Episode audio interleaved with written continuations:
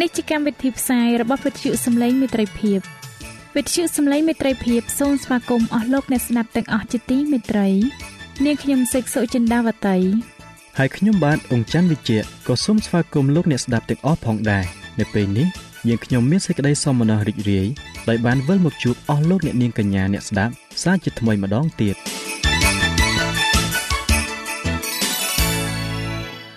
នាងខ្ញុំសេកសុចិន្តាវតី សូមជម្រាបជូនកម្មវិធីផ្សាយដែលមានជាបន្តបន្ទាប់ដូចតទៅនេតិជំហានទៅកាន់ព្រះគ្រីស្ទនេតិផ្លូវសម្រាប់ជីវិត ចា៎លោកអ្នកស្ដាប់ជាទីមេត្រី នាងខ្ញុំសូមគោរពអញ្ជើញអស់លោកលោកស្រី អ្នកនាងកញ្ញាតាមដានស្ដាប់កម្មវិធីផ្សាយរបស់វិទ្យុយើងខ្ញុំដូចតទៅ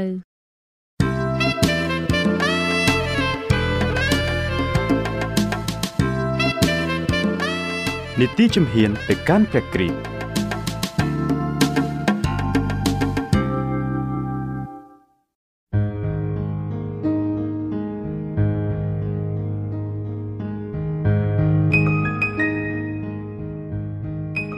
នាងខ្ញុំសេកសុចិនាវតីសូមជម្រាបសួរអស់លោកលោកស្រីអ្នកនាងកញ្ញានិងប្រិយមិត្តអ្នកស្ដាប់ជាទីមេត្រី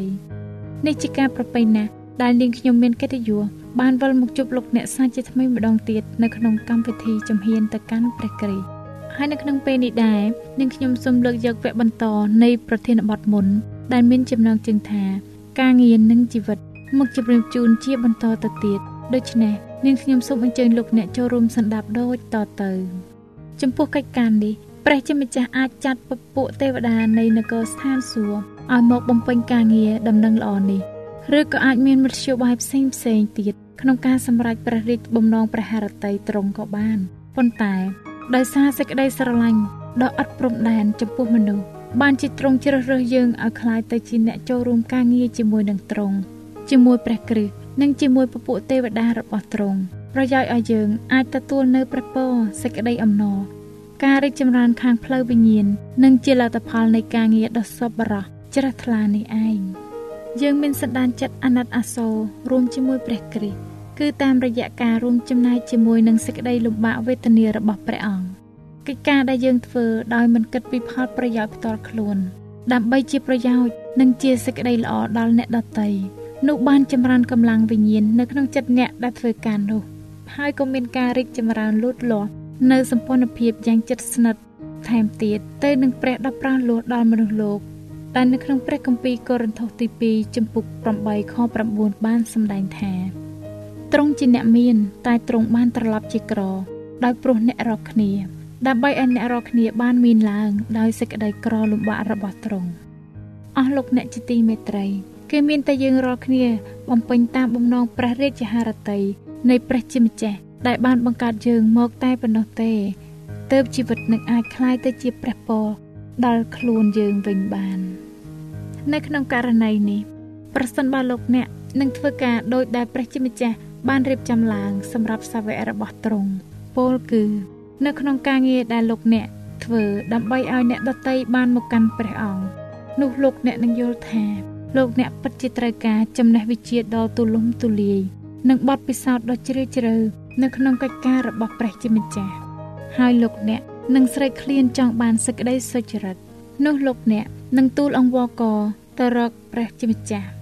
ដើម្បីឲ្យសេចក្តីជំនឿរបស់លោកអ្នក កាន់តែរីកចម្រើនឡើងថែមទៀតនៅពេលនោះលោកអ្នកនឹងក្រេបយកទឹកជីវិត អំពីអណ្ដូងនៃសេចក្តីសង្គ្រោះហើយព្រះទ្រង់ជាអ្នកដែលផ្ដល់ឲ្យដល់លោកអ្នកផ្ទាល់តែម្ដងមួយទៀតលោកអ្នកដែលប្រឈមមុខជាមួយនឹងការងារផ្ចាញ់ផ្ចាលនិងការសាកល្បងជាក់ជាមិនខាន ដើម្បីឲ្យលោកអ្នកមានកម្លាំងនិងចំណេះប្រាជ្ញា នៅក្នុងការទប់ទល់នោះនឹងជំរុញឲ្យលោកអ្នក ងាកមករកការសិក្សាព្រះគម្ពីរនិងអធិស្ឋានទៅរកព្រះជាម្ចាស់ប្រសិនបើការនេះបានកើតឡើង ចំពោះលោកអ្នកនោះនឹងជួយឲ្យលោកអ្នកបានចម្រើនលូតលាស់នៅក្នុងព្រះគុណនិងបទពិសោធន៍ហើយនឹងបានស្គាល់ព្រះគ្រីស្ទយេស៊ូវកាន់តែច្បាស់ឡើងថែមទៀតអស់លោកអ្នកជាទីមិត្តរី ការដែលធ្វើការបម្រើដល់អ្នកដទៃដោយមិនគិតពីប្រយោជន៍ផ្ទាល់ខ្លួន នោះវាជួយឲ្យចរិយារបស់លោកអ្នកមានលំនឹងនិងសេចក្តីស្រឡាញ់ដ៏ជ្រាលជ្រៅ ដ៏មានស្ថិតស្ថេរនិងសេចក្តីស្រឡាញ់ដែលមានលក្ខណៈដូចជាព្រះគ្រីស្ទព្រមទាំងនាំមកនៅសេចក្តីសុខសាន្តសន្តិភាព និងអំណររីករាយដល់អ្នកដែលបានជួយនោះផងដែរដូច្នេះសម្រាប់អស់អ្នកណាដែលយកប្រគុណមកអនុវត្តក្នុងជីវិតដោយភាពជាអ្នកគ្រីស្ទៀនពិតប្រាកដនោះនឹងលូតលាស់ឡើង ហើយកាន់តែរឹងមាំឡើង នៅក្នុងការធ្វើការបម្រើដល់ព្រះជាម្ចាស់ គេនឹងមានការយល់ដឹងចំពោះព្រលឹងវិញ្ញាណកាន់តែច្បាស់ឡើង ហើយសេចក្តីជំនឿនឹងការរីកលូតលាស់នឹងមានស្ថិរភាព ហើយនឹងចម្រើនអំណាចនៅក្នុងសេចក្តីអធិដ្ឋានផងដែរព្រះវិញ្ញាណនៃព្រះអង្គម្ចាស់នឹងគ្រប់គ្រងលើវិញ្ញាណរបស់គេរួចបណ្ដាលឲ្យគេមានការចុះសម្រុងដ៏បរិសុទ្ធនៃជីវិតរបស់គេដោយឆ្លើយតបនឹងការដង្ហើយហៅរបស់ព្រះសម្រាប់អស់អ្នកណាដែលលះបង់ខ្លួន ដើម្បីបម្រើកិច្ចការដោយចិត្តជ្រះថ្លាដើម្បីជាប្រយោជន៍និងជាអំពើល្អសម្រាប់អ្នកដទៃនោះគឺកំពុងតែញ៉ាំងឲ្យសេចក្តីសង្គ្រោះរបស់ខ្លួនផ្ទាល់បានប្រកាសឡើងជាទីបំផុតដូច្នេះគឺមានតែផ្លូវមួយគត់ដើម្បីឲ្យបានរីកចម្រើននៅក្នុងព្រះគុណរបស់ព្រះ គឺជាការធ្វើការងារនិងជាបេសកកម្មដែលព្រះគ្រីស្ទបានបន្ទុកបណ្ដាក់មកលើយើង ព្រះគ្រីស្ទបានមានបន្ទូលមកកាន់ ដល់អស់អ្នកណាដែលទទួលយកទ្រង់នៅក្នុងព្រះគម្ពីរម៉ាថាយជំពូក28ខ19ដល់ខ20ថាដូច្នេះចូលទៅបញ្ចុះបញ្ចូលឲ្យមានសិស្សនៅគ្រប់ទាំងសាសព្រមទាំងធ្វើបុណ្យជ្រមុជទឹកឲ្យដែលនៅព្រះនាមប្រវោបិតាព្រះរាជបុត្រានិងព្រះវិញ្ញាណបរិសុទ្ធចុះហើយបង្រៀនគេឲ្យកាន់តាមគ្រប់ទាំងសេចក្តីដែលខ្ញុំបានបង្គាប់មកអ្នករាល់គ្នាផង ហើយមើលខ្ញុំក៏នៅជាមួយនឹងអ្នករាល់គ្នារាល់ថ្ងៃដែរ ដរាបដល់បំផុតកលដូចនេះសូមឲ្យលោកអ្នកបានតាំងចិត្តធ្វើការនេះ ហើយគឺធ្វើការដោយខំអស់ពីសមត្ថភាព និងកម្លាំងកាយចិត្តដើម្បីផ្ដល់ព្រះពរដល់អ្នកដែលត្រូវការជំនួយ ហើយដែលលោកអ្នកអាចជួយបាន លោកអ្នកគួរចងចាំថាកម្លាំងកើនឡើងដោយសារការហាត់ប្រាណហើយសកម្មភាព ជាលក្ខខណ្ឌដ៏សំខាន់សម្រាប់ជីវិតប្រសិនបើលោកអ្នកចង់រីកចម្រើននោះលោកអ្នកត្រូវតែអនុវត្ត ចំពោះអ្នកណាដែលខំប្រឹងប្រែងរក្សា នៅលក្ខណៈជាអ្នកគ្រីស្ទៀនដោយគ្រាន់តែចាំទទួលព្រះពរតាមរយៈព្រះគុណហើយពុំធ្វើការអ្វីសោះនោះមានន័យថា គឺជាអ្នកដែលរស់នៅ ដើម្បីតែបរិភោគតែប៉ុណ្ណោះសម្រាប់អស់អ្នកណាដែលមានលក្ខណៈនេះនោះនឹងមានការរិចរិលខាងឯព្រលឹងវិញ្ញាណហើយ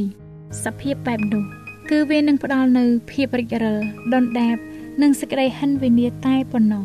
យ៉ាងណាមិញ អ្នកគ្រីស្ទៀនដែលពុំព្រមបញ្ចេញនៅអំណាចដែលព្រះជាម្ចាស់ប្រគល់ឲ្យនោះគេមិនត្រឹមតែមិនលូតលាស់នៅក្នុងព្រះគ្រីស្ទសម្រាប់ខ្លួនឯងតែប៉ុណ្ណោះទេ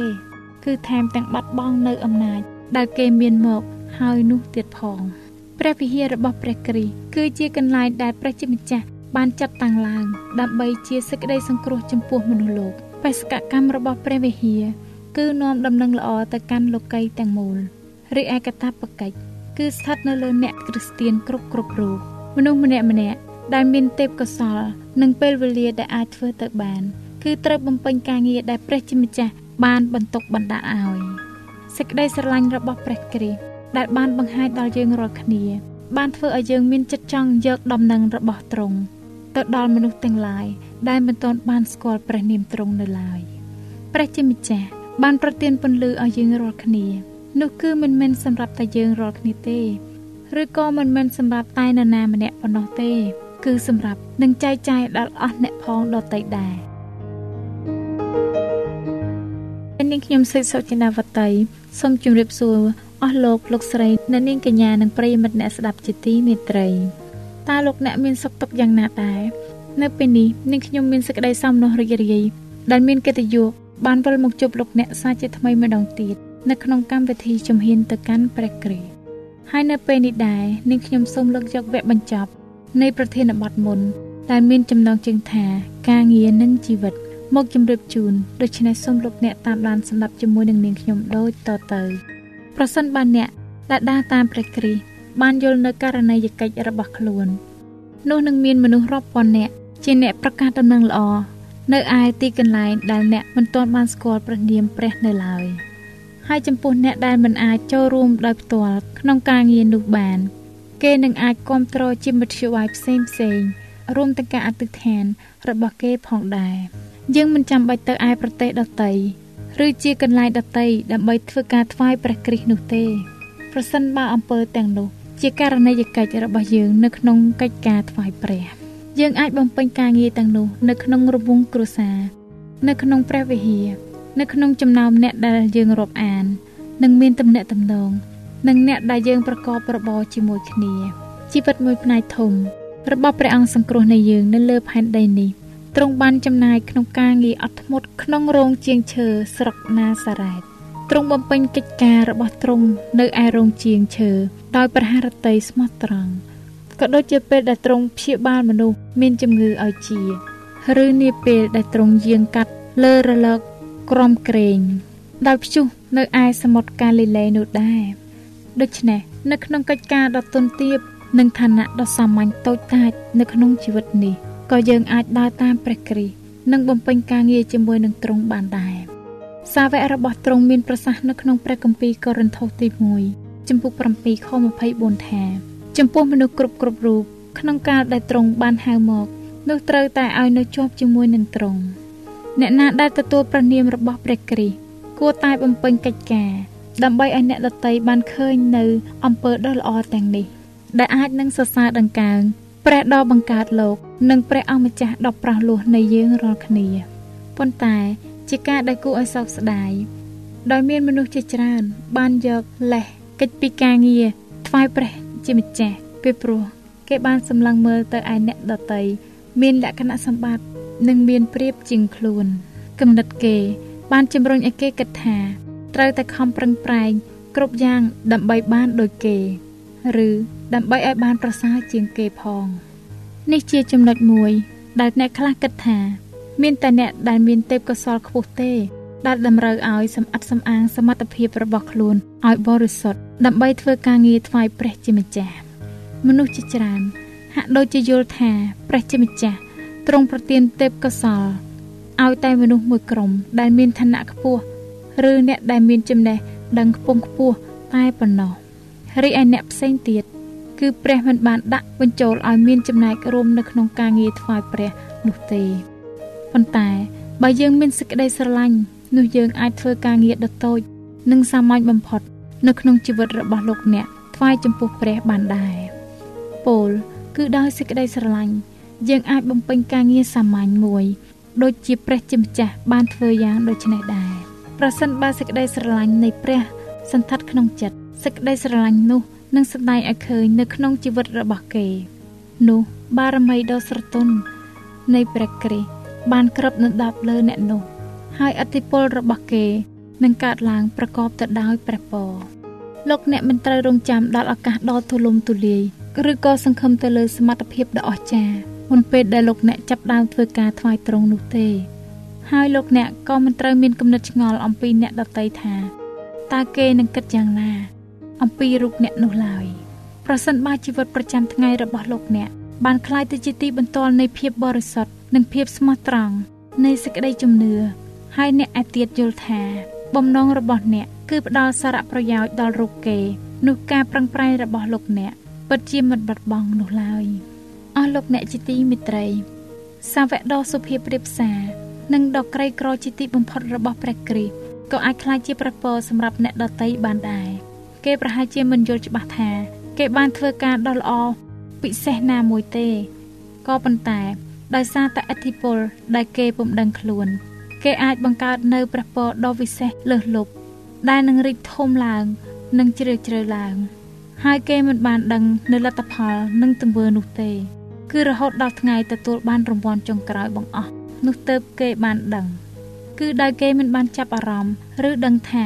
គេបានធ្វើការងារដ៏ធំធេងសម្រាប់ការបម្រើដល់ព្រះនោះទេ ការងារដែលគេបានធ្វើនោះគឺបោះជំហានទៅមុខដោយស្ងៀមស្ងាត់គឺជាការធ្វើការងារហើយជាបេសកកម្មដែលព្រះជាម្ចាស់បានប្រគល់ឲ្យដោយស្វាមីភក្តិហើយជីវិតរបស់គេពិតជាមានអត្ថន័យនិងខ្លឹមសារជាទីបំផុតព្រលឹងវិញ្ញាណរបស់គេ នឹងរីកចម្រើនឡើង ទៅកាន់ភាពឧត្តមប្រសើររបស់ផងព្រះគ្រីស្ទកាន់តែខ្លាំងឡើងខ្លាំងឡើង គេនឹងបានធ្វើការរួមជាមួយនឹងព្រះជាម្ចាស់នៅក្នុងជីវិតនេះហើយស័ក្តិសមនឹងការងារដ៏ខ្ពង់ខ្ពស់ថែមទៀតនិងអំណររីករាយដ៏ពិតប្រាកដក្នុងជីវិតដែលនឹងមកដល់នាពេលអនាគតផងដែរចា៎ដោយពេលវេលាមានកំណត់ យើងខ្ញុំសូមផ្អាកនេតិជំហានទៅកាន់ព្រះគ្រីស្ទនេះ ត្រឹមតែប៉ុណ្ណេះសិនចុះដោយសន្យាថានឹងលើកយកនេតិនេះមកជម្រាបជូនជាបន្តទៀតនៅថ្ងៃអង្គារសប្តាហ៍ក្រោយ សូមអរគុណ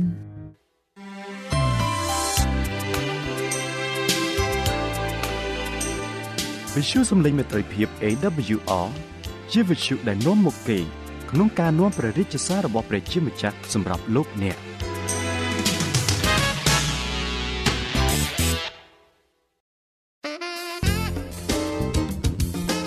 សូមជូននីតិផ្លូវសម្រាប់ជីវិត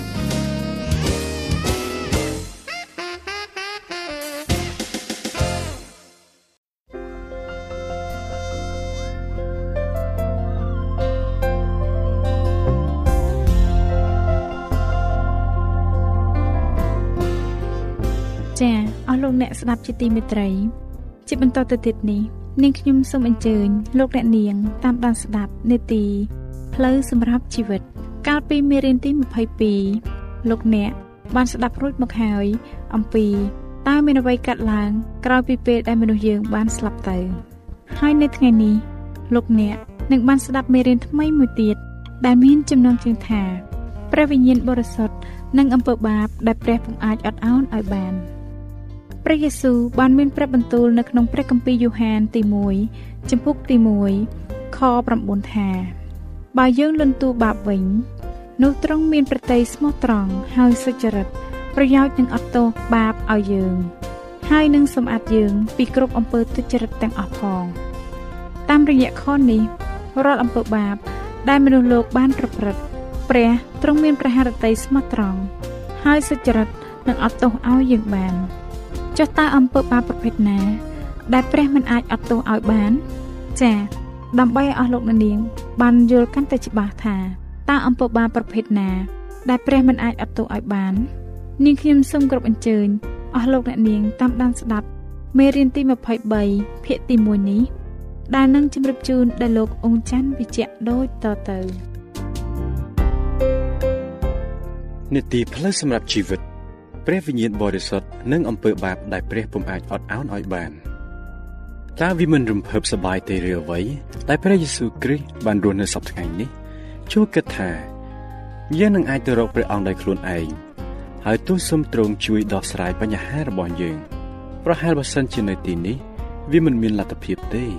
អ្នកអាចទូលថ្វាយទ្រង់អំពីសេចក្តីល្បួងរបស់អ្នកហើយទទួលយកនូវសេចក្តីជំនួយរ៉ាប់រងរបស់ទ្រង់តើអ្នកបានស្រាវក្នុងចិត្តដែរឬទេ កាលបើអ្នកបានសម្រេចចិត្តយ៉ាងសំខាន់មួយថាអ្នកអាចទៅជួបព្រះយេស៊ូវ សម្លឹងមើលទ្រង់ដោយចំនឹងភ្នែកហើយទូលថ្វាយអំពីផែនការរបស់អ្នកដល់ទ្រង់ព្រមទាំងទទួលការដឹកនាំរបស់ទ្រង់នោះចំណុចទី1តើព្រះយេស៊ូវទ្រង់គង់នៅចិត្តយើងដែរឬទេសប្តាហ៍ថ្ងៃនេះយើងក៏អាចខិតខ្លួនយើងឲ្យទៅចិត្តព្រះយេស៊ូវប្រសិនបើជាព្រះអង្គពិតជារស់នៅទីនេះមែនហើយយើងក៏អាចនិយាយទូលថ្វាយជាមួយព្រះអង្គដោយចាំមុខតែម្ដងបើសិនជាព្រះយេស៊ូវរស់នៅលើផែនដីសពថ្ងៃនេះមែន សេចក្តីត្រូវការលើព្រះអង្គគ្រប់ពេលវេលានោះនឹងមានទម្ងន់ធ្ងន់ដែលបុគ្គលម្នាក់ម្នាក់បំពេញបំណងខ្លួនបានដោយបានជួយសន្តានានឹងទ្រង់អស់មួយជីវិតព្រោះហេតុដូច្នេះហើយបានជាព្រះយេស៊ូវចាក់ចេញពីផែនដីនេះទៅជាទីកន្លែងដែលទ្រង់រងបន្ទុកយ៉ាងធ្ងន់សម្រាប់មនុស្សជាតិព្រះអង្គចាក់ចេញទៅដើម្បីឲ្យទ្រង់អាចបញ្ជូនព្រះវិញ្ញាណបរិសុទ្ធដែលអាចស្ថិតនៅគ្រប់ទីកន្លែងគ្រប់ពេលវេលាជាតំណាងនៃទ្រង់ព្រះយេស៊ូវទ្រង់មានបន្ទូលទៅពួកសាវក តាមរយៈព្រះគម្ពីរយូហានចំពុក16ខ7ថាដែលខ្ញុំទៅនោះមានប្រយោជន៍ដល់អ្នករាល់គ្នាហើយត្បិតបើខ្ញុំមិនទៅទេនោះ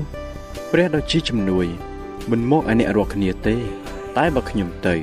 ខ្ញុំនឹងចាត់ឲ្យទ្រង់មកទ្រង់បានបញ្យល់ថែមទៀតតាមរយៈព្រះគម្ពីរយូហានចំពុក14ខ26ថាព្រះដ៏ជាជំនួយនោះគឺជាព្រះវិញ្ញាណបរិសុទ្ធដែលព្រះវរបិតានឹងចាត់មកដោយនៅឈ្មោះខ្ញុំទ្រង់នឹងបង្រៀនអ្នករាល់គ្នា ពីគ្រប់ការទាំងអស់ហើយនឹងរំលឹកគ្រប់ទាំងសេចក្តីដែលខ្ញុំបានប្រាប់ដល់អ្នករាល់គ្នាព្រះយេស៊ូវទ្រង់បានសន្យាថាព្រះអង្គស្ថិតនៅគ្រប់ទីកន្លែងទាំងអស់តាមរយៈព្រះវិញ្ញាណបរិសុទ្ធព្រះយេស៊ូវបានបំពេញសេចក្តីសន្យានេះដោយអស្ចារ្យគឺដោយសារព្រះវិញ្ញាណបរិសុទ្ធនេះហើយដោយដែលទ្រង់បានសន្យានោះដែលព្រះអង្គយាងមកឯពួកសាវករបស់ទ្រង់ហើយពិតណាស់ដែលព្រះអង្គស្ថិតនៅចិត្តនេះសពថ្ងៃដោយព្រះវិញ្ញាណបរិសុទ្ធ ចំណុចទី2ព្រះជាស្ដាសម្រាប់ធ្វើបន្ទាល់ព្រះយេស៊ូវបានសន្យានឹងក្រុមជំនុំរបស់ព្រះអង្គតាមរយៈព្រះគម្ពីរកិច្ចការជំពូក1ខ8ថាប៉ុន្តែកាលណាព្រះវិញ្ញាណបរិសុទ្ធបានមកសន្ធិដ្ឋលើអ្នករាល់គ្នានោះអ្នករាល់គ្នានឹងបានព្រះជាស្ដាហើយនឹងធ្វើបន្ទាល់អំពីខ្ញុំ នៅក្រុងយេរូសាឡឹមស្រុកយូដាព្រមទាំងស្រុកសាម៉ារីទាំងមូលហើយរហូតដល់ជើងបំផុតនៃផែនដីផងសេចក្តីគោរពនិងសេចក្តីសង្ឃឹមជានិច្ច ពួកសាវកទាំងអស់រងចាំសេចក្តីសន្យាពីព្រះវិញ្ញាណបរិសុទ្ធមកបំពេញពួកគេដោយព្រះជាស្ដាដោយសេចក្តីគោរពនិងសេចក្តីសង្ឃឹមជានិច្ច10ថ្ងៃក្រោយពីព្រះយេស៊ូវបានយាងទៅកាន់ស្ថានសួគ៌អត្តពលដ៏ខ្លាំងក្លានៃព្រះវិញ្ញាណរបស់ទ្រង់បានផ្ទុះឡើងនៅក្នុងចិត្តដែលចំហរងចាំយ៉ាងមុតមមនៃពួកសាវកដែលមានជំនឿលើទ្រង់ព្រះអង្គប្រទានព្រះវិញ្ញាណបរិសុទ្ធលើកទី1នេះសម្រាប់ពួកគេបានប្រកបទៅដោយព្រះចេស្តាសម្រាប់ធ្វើការបម្រើទ្រង់ សាវកព្រះយេស៊ូវម្នាក់ឈ្មោះពេត្រុសបានត្រូវវិញ្ញាណបរិសុទ្ធធ្វើឲ្យគាត់คล้ายខ្លួនពីអ្នកនេសាទដ៏ងងឹតងងុលម្នាក់ទៅជាអ្នកអធិប្បាយបទគម្ពីរដ៏ល្បីល្បាញមានមនុស្សប្រមាណ3000នាក់បានទទួលជឿព្រះយេស៊ូវថាជាព្រះរាជបុត្រានៃព្រះហើយបានទទួលបុណ្យជ្រមុជទឹកនៅពេលដែលគាត់បានធ្វើសេចក្តីអត្ថាធិប្បាយនោះព្រះវិញ្ញាណបរិសុទ្ធយាងចុះមកសន្ធិដ្ឋជាដំបូងលើពួកគេទាំងអស់គ្នាដោយយោងទៅលើព្រះគម្ពីរកិច្ចការជំពូក6ខ3 យើងឃើញថាសមាជិកក្រុមជំនុំចំនួនមុនសុទ្ធតែពោពេញទៅដោយព្រះវិញ្ញាណបរិសុទ្ធរបស់ព្រះក្នុងប៉ុន្មានឆ្នាំដំបូងនៃការគោរពដូចជាព្រះដោយទឹកចិត្តជ្រះថ្លានេះហើយដែលពួកសមាជិកក្រុមជំនុំបានត្រូវចម្រើនឡើងយ៉ាងឆាប់រហ័សហើយត្រូវបំពេញកិច្ចការធំធំប្រកបដោយជ័យជំនះដោយសារព្រះវិញ្ញាណបរិសុទ្ធព្រះយេស៊ូវទ្រង់ស្ថិតនៅជាមួយពួកគេគ្រប់ទីកន្លែងតាមរយៈព្រះវិញ្ញាណបរិសុទ្ធដែលជាតំណាងព្រះអង្គទ្រង់នៅលើផែនដី អាស្រ័យដោយអត្តពលដ៏ខ្លាំងក្លារបស់ព្រះវិញ្ញាណដែលស្ថិតមកលើមនុស្សប្រុសស្រីដែលអាចជួយបន្ទន់ដល់សម្ដានចិត្តមនុស្សទាំងឡាយដែលគេនិយាយទៅតាមលទ្ធភាពនៃព្រះវិញ្ញាណបរិសុទ្ធការបានមនុស្សរាប់ពាន់បានស្ដាប់ក៏ប្រត់ទទួលជាដំណឹងល្អអំពីព្រះយេស៊ូវដែលការទ្រង់យកជាតិជាមនុស្សនៅលើផែនដីនៅឡើយទោះជាទ្រង់ពុំដែលជួបការទាំងនោះក៏ដោយតើព្រះចេស្តានេះមានអំណាចទេសពថ្ងៃតើព្រះវិញ្ញាណរបស់ព្រះ នៅតែផ្ដល់អំណាចដល់មនុស្ស ដែលបានសង្គ្រោះទាំងប៉ុន្មានឲ្យដើរទៅមុខជានិច្ចហើយបានយកមនុស្សផ្សេងផ្សេងទៀតមកឲ្យព្រះយេស៊ូវមែនឬទេតើព្រះមានបន្ទូលមករកចិត្តមនុស្សតាមព្រះវិញ្ញាណបរិសុទ្ធទ្រង់នឹងនាំគេទៅរកព្រះសង្គ្រោះមែនឬទេចម្លើយនឹងសំណួរទាំងនេះគឺថាមែនព្រះវិញ្ញាណជាអំណាចរបស់អ្នកដល់កូនចៅរបស់អ្នកនិងដល់គ្រប់គ្នាទាំងអស់ដែលនៅឆ្ងាយឆ្ងាយគឺគ្រប់គ្នាទាំងអស់ដែលព្រះជាម្ចាស់បានហៅមករក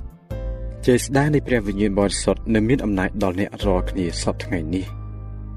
ចំណុចទី3ព្រះវិញ្ញាណបរិសុទ្ធជាអ្នកណាព្រះវិញ្ញាណបរិសុទ្ធគឺជាអង្គមួយនៃអង្គទាំង3របស់ព្រះជាម្ចាស់ពួកគ្រីស្ទានថ្វាយបង្គំព្រះក្នុងអង្គទាំង3ព្រះយេស៊ូវបានបង្គាប់ដល់ពួកមនុស្សតាមរយៈព្រះគម្ពីរម៉ាថាយជំពូក28ខ19ថាដូច្នេះចូលទៅបញ្ចុះបញ្ចូលឲ្យមានសិស្សគ្រប់ទាំងសិស្សព្រមទាំងធ្វើបុណ្យជាមួយទឹកឲ្យ ដោយនៅព្រះនាមព្រះបិតាព្រះរាជបុត្រា និងព្រះវិញ្ញាណបរិសុទ្ធដូច្នេះបើតាមព្រះយេស៊ូវយើងត្រូវតែថ្វាយបង្គំព្រះបិតាព្រះរាជបុត្រានិងព្រះវិញ្ញាណបរិសុទ្ធគ្មានអាចកំបាំងណាមួយដែលមនុស្សប្រើខួរក្បាលគិតពិចារណាឲ្យពេញទំហឹងដូចជាអាចកំបាំងនៃព្រះកំណើតទេព្រះជាម្ចាស់គឺស្ថិតនៅឆ្ងាយពីការយល់ដឹងថាមានតែព្រះអង្គមួយគត់ប៉ុន្តែព្រះតែមួយនេះបានសម្ដែងចេញជា3គឺពុំមែនព្រះ3អង្គទេ យើងរកឃើញប្រភពជីវិតនៅក្នុងព្រះដ៏ជាព្រះបបិតាការលើកសម្ដែងឲ្យស្គាល់ពីព្រះតាមរយៈព្រះយេស៊ូវគ្រីស្ទដែលគង់ក្នុងសច្ចាមហើយព្រះបានបង្ហាញដោយផ្ទាល់ដល់ចិត្តមនុស្សតាមអង្គនៃព្រះវិញ្ញាណបរិសុទ្ធជាច្រើនសតវត្សមកហើយដែលមនុស្សខំប្រឹងសញ្ជឹងគិតអំពីជំរឿនៃអត្តកម្បាំងនេះទស្សនៈប្លែកប្លែកគ្រប់ទាំងអស់នេះទៅលើទំនាក់ទំនងរវាងអង្គទាំង3របស់ព្រះត្រូវបានលើកយកមកសិក្សាប៉ុន្តែព្រះអង្គម្ចាស់ ពុំដែលបង្ហាញឲ្យឃើញអត្តកម្បាំងនៃកំណើតទ្រង់ឡើយស្ងៀមទៅវិញប្រសើរជាង យើងទទួលយល់ព្រមថា ព្រះវិញ្ញាណបរិសុទ្ធជាព្រះហើយទ្រង់ស្ថិតនៅគ្រប់ទីកន្លែងក្នុងពេលបច្ចុប្បន្ននេះ ជាតំណាងព្រះគ្រីស្ទដល់មនុស្សគ្រប់គ្នា យើងមិនដឹងអ្វីលើសពីនេះទេ គឺនៅឯទីបញ្ចប់នៃសកលទេ ដែលប្រលឹងអាចត្រូវលើកបង្ហាញឲ្យឃើញច្រើនជាងនេះទៅទៀត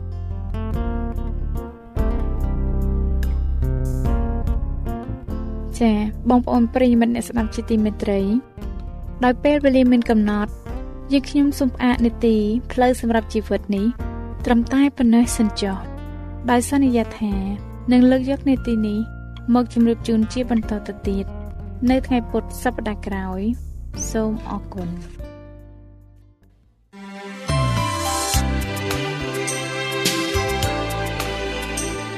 វិទ្យុសំឡេងមេត្រីភាព AWR មានផ្សាយពីរដងក្នុងមួយថ្ងៃ គឺព្រឹកនៅម៉ោង6និងពេលយប់នៅម៉ោង8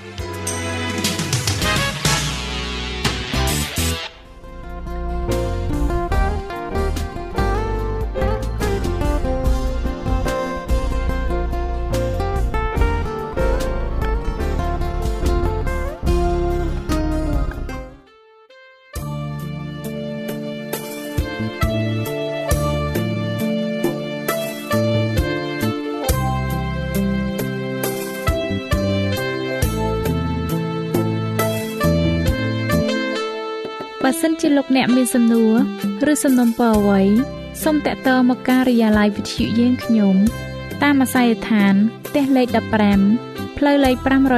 568សង្កាត់បឹងកក់2ខណ្ឌទួលគោករាជធានីភ្នំពេញលោកអ្នកក៏អាចសរសេរសម្បត្តិផ្ញើមកយើងខ្ញុំ តាមរយៈប្រអប់សម្បត្តិលេខ488ភ្នំពេញឬតាមទូរស័ព្ទលេខ012 34 96 64ឬ097 80 81 060ឬក៏តាមរយៈអ៊ីមែល vol@awr.org យើងខ្ញុំរងចាំទទួលស្វាគមន៍អស់លោកអ្នកនាងដោយក្តីសោមនស្សរីករាយហើយលោកអ្នកក៏អាចស្ដាប់កម្មវិធីនេះឡើងវិញដោយចូលទៅកាន់ website របស់វិទ្យុយើងខ្ញុំតាមរយៈអាស័យដ្ឋាន www.awr.org